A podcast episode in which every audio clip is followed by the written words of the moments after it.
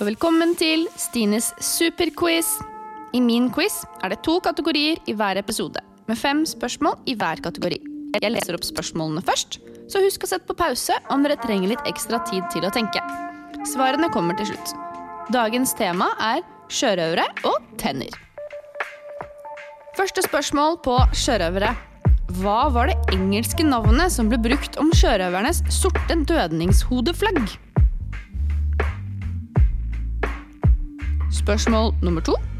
På hvilken øy ligger Port Royal, som en periode fungerte som en slags frihavn for sjørøvere? Spørsmål nummer tre. Hva heter skipet som kaptein Sabeltann og de andre sjørøverne bruker når de reiser på tokt? Spørsmål nummer fire. Plyndringerne til sjørøverne kunne være lukrative, men ble ofte straffet med døden. Unntak var sjørøveri med myndighetenes velsignelse. Hva het dette? Spørsmål nummer fem.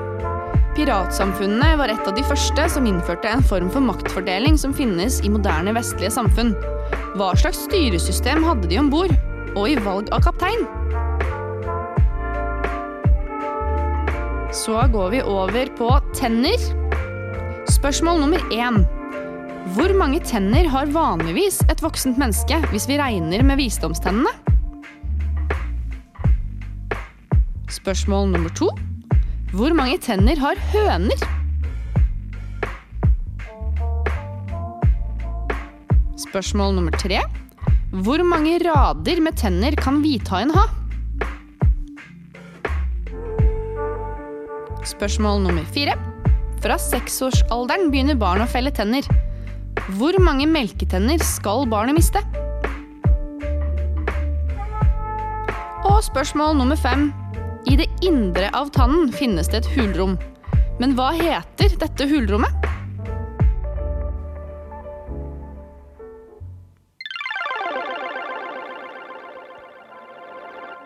Så går vi over til svarene på denne ukens quiz. Første spørsmål på sjørøvere var hva var det engelske navnet som ble brukt om sjørøvernes sorte dødningshodeflagg? Riktig svar er Jolly Roger. Spørsmål nummer to. På hvilken øy ligger Port Royal, som i en periode fungerte som en slags frihavn for sjørøverne? Riktig svar er på Jamaica. Spørsmål nummer tre. Hva heter skipet som kaptein Sabeltann og de andre sjørøverne bruker når de skal reise på tokt? Riktig svar er Den sorte dame. Spørsmål nummer fire. Plyndringerne til sjørøverne kunne være lukrative, men de blir ofte straffet med døden. Et unntak var sjørøveri med myndighetenes velsignelse. Og hva het dette? Riktig svar er kaperfart, eller kaperi og kaperkrig. En kaper var betegnelse på både en privat båt utstyrt med våpen og navnet på kapteinen på slike båter. Spørsmål nummer fem. Piratsamfunnene var et av de første som innførte en form for maktfordeling som finnes i moderne vestlige samfunn. Hva slags styresystem hadde de om bord og i valg av kaptein? Riktig svar er demokrati. Eller begrenset demokrati.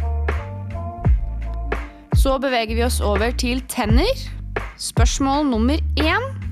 Hvor mange tenner har vanligvis et voksent menneske hvis vi regner med visdomstennene? Riktig svar er 32.